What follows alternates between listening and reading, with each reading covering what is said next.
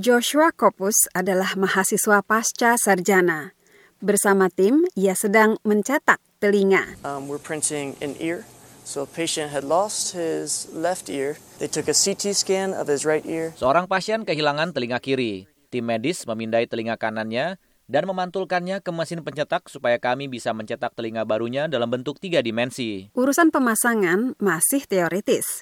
Tetapi printer tiga dimensi atau 3D mampu mencetak organ manusia.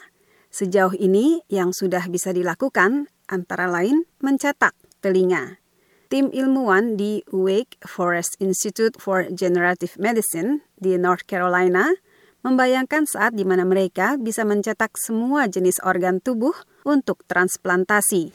Dibutuhkan sekitar tiga setengah jam untuk membuat telinga, dan telinga itu akan dipasang dengan menggunakan campuran khusus yang dibuat dari sel-sel pasien.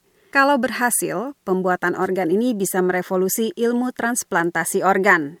Anthony Atala adalah direktur Wake Forest Institute for Generative Medicine. Ia mengatakan, We basically categorize the complexity of the organs from flat to solid. Kami pada dasarnya mengategori kerumitan organ dari tidak ada sampai nyata. Tingkat kerumitan yang paling rendah membuat organ yang datar, misalnya kulit. Tingkat kerumitan kedua adalah mencetak organ berbentuk tabung seperti pembuluh darah. Tingkat kerumitan ketiga adalah mencetak organ tubuh yang berongga dan tidak berbentuk tabung seperti kandung kemih atau lambung.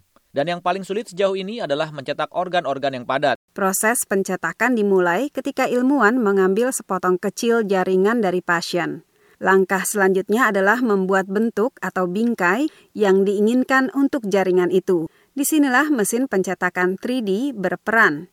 Dan kemudian terjadi prosedur yang dikenal dengan electrospinning, yaitu metode memproduksi serat dengan menggunakan tenaga listrik untuk membuat pembuluh darah buatan.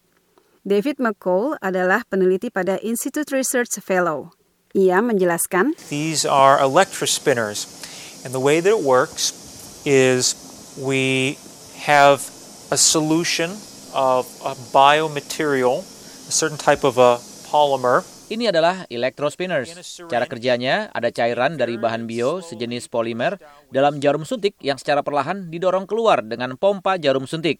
Selanjutnya, tim ilmuwan menguji pembuluh darah buatan dengan meniru denyut nadi.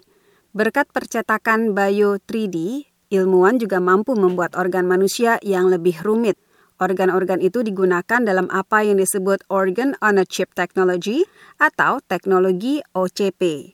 Tim ilmuwan tidak bisa secara pasti mengatakan berapa lama uji klinis akan dilakukan, tetapi berharap dalam 30 sampai 40 tahun penemuan mereka akan menjadi bagian yang tidak terpisahkan dari kehidupan manusia.